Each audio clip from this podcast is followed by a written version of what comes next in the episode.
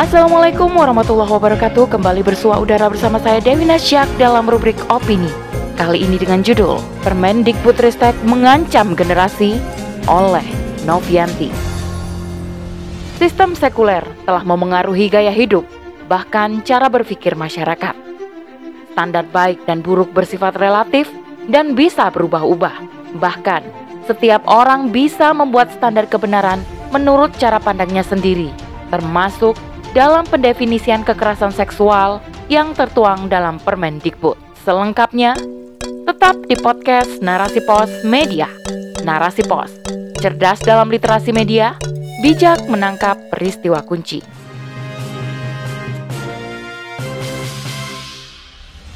Baru-baru ini, Mendikbud Ristek Nadiem Makarim kembali membuat kontroversi.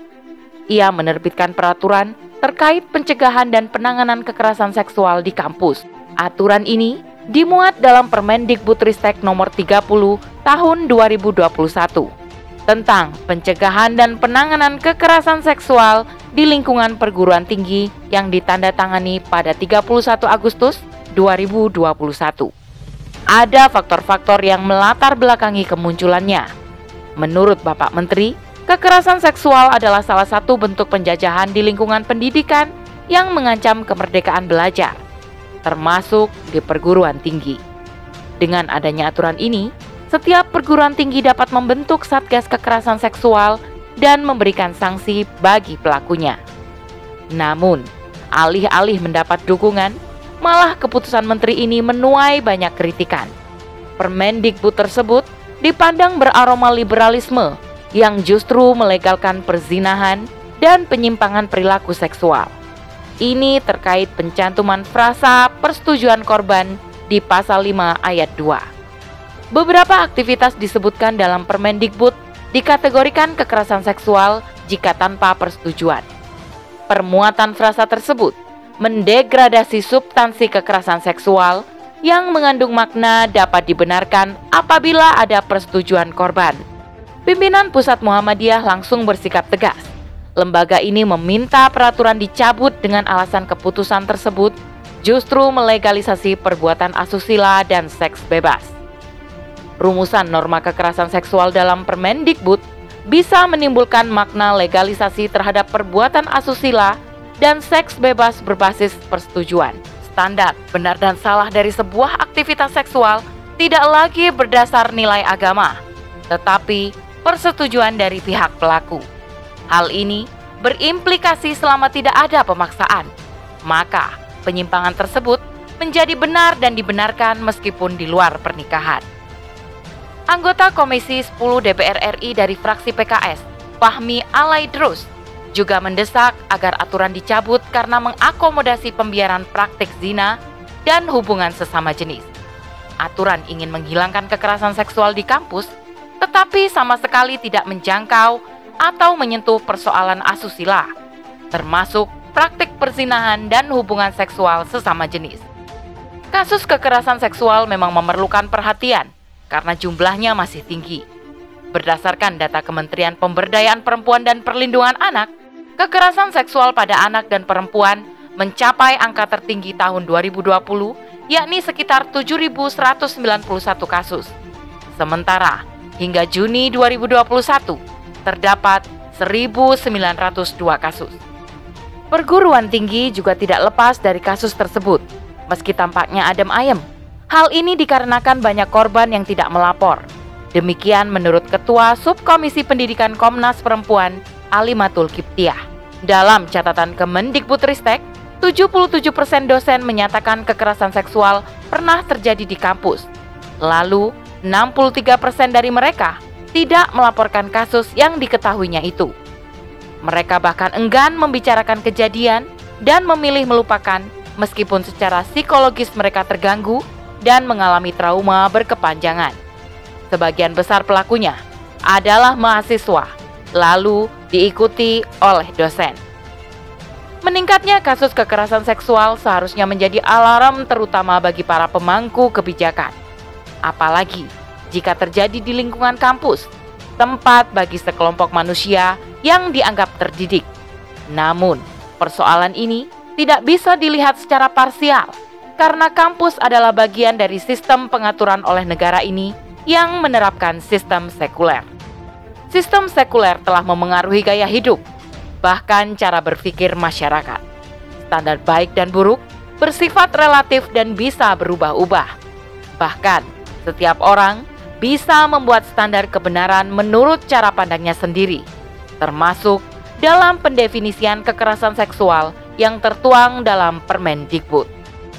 Definisi kekerasan seksual dalam aturan tersebut adalah setiap perbuatan merendahkan, menghina, melecehkan, dan atau menyerang tubuh dan atau fungsi reproduksi seseorang karena ketimpangan relasi kuasa dan atau gender yang berakibat atau dapat berakibat penderitaan psikis dan atau fisik termasuk yang mengganggu kesehatan reproduksi seseorang dan hilang kesempatan melaksanakan pendidikan tinggi dengan aman dan optimal.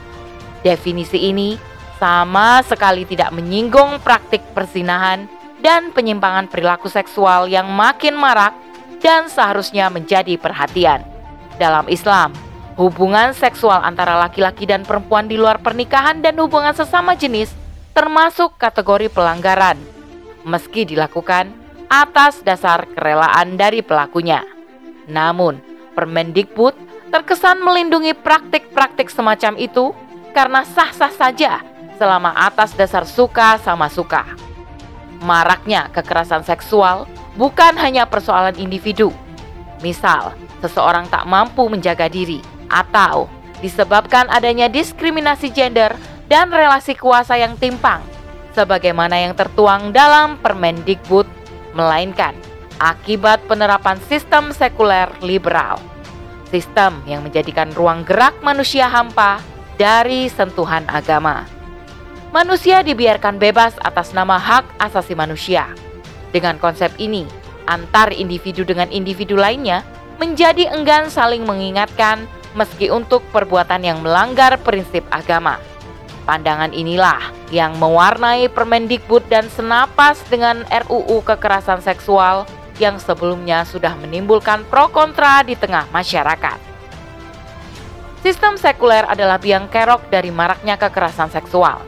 Sehingga selama sistem ini masih dipertahankan, undang-undang apa pun tidak akan pernah bisa menyelesaikan persoalan kekerasan seksual. Satgas kekerasan seksual tidak memiliki kekuatan untuk mencegah bertambahnya korban. Sistem sekuler terus membiarkan bahkan memproduksi stimulasi-stimulasi yang memancing naluri seksual. Setiap orang bisa berekspresi baik dalam penampilan, bergaul, karena termasuk dalam menyalurkan hasrat seksual sesuai keinginannya. Alhasil, kekerasan seksual akan terus terjadi seiring dengan kerusakan-kerusakan lainnya yang pada akhirnya akan merugikan masyarakat. Keimanan terkikis, kepribadian terus tergerus, dan keberlangsungan kehidupan manusia akan terancam. Padahal, sekiranya umat Islam ini berpikir jernih dan menggali Islam, pasti akan ditemukan solusi bagi permasalahan ini. Bahkan, tidak hanya solusi, tetapi Islam memberikan perlindungan berlapis, mulai dari pencegahan dari lingkup keluarga hingga negara. Pencegahan dalam bentuk seperangkat aturan seperti cara berpakaian dan bergaul. Ada aturan dalam lingkup keluarga dan masyarakat. Misal, orang tua harus memisahkan tempat tidur anak laki-laki dan perempuan ketika sudah memasuki usia 10 tahun. Anak harus meminta izin di waktu-waktu tertentu saat memasuki kamar orang tua dalam lingkup masyarakat, kehidupan laki-laki dan perempuan terpisah. Lapisan berikutnya adalah penerapan sanksi tegas bagi pelaku pelanggaran seperti pelaku zina dan penyuka sesama jenis. Sanksi tersebut untuk memberi efek jerah bagi pelaku dan kelak menjadi penebus dosa bagi dirinya di yaumil hisab. Terlihat bagaimana syariat Islam melindungi agama, akal, jiwa, dan keturunan. Syariat Islam merupakan bentuk kasih sayang Allah agar manusia tidak perlu disibukkan untuk membuat atau merevisi undang-undang yang memakan tenaga, waktu, dan biaya seperti sekarang. Akal manusia terbatas. Sampai kapan pun, jika kehidupan ini bertumpu pada aturan produk manusia, berbagai persoalan termasuk kekerasan seksual akan terus terjadi. Wallahu a'lam. Demikian rubrik opini kali ini. Sampai bertemu di kesempatan pada rubrik opini selanjutnya. Saya Dewi Nasyak undur diri. Afu minkum wassalamualaikum warahmatullahi wabarakatuh.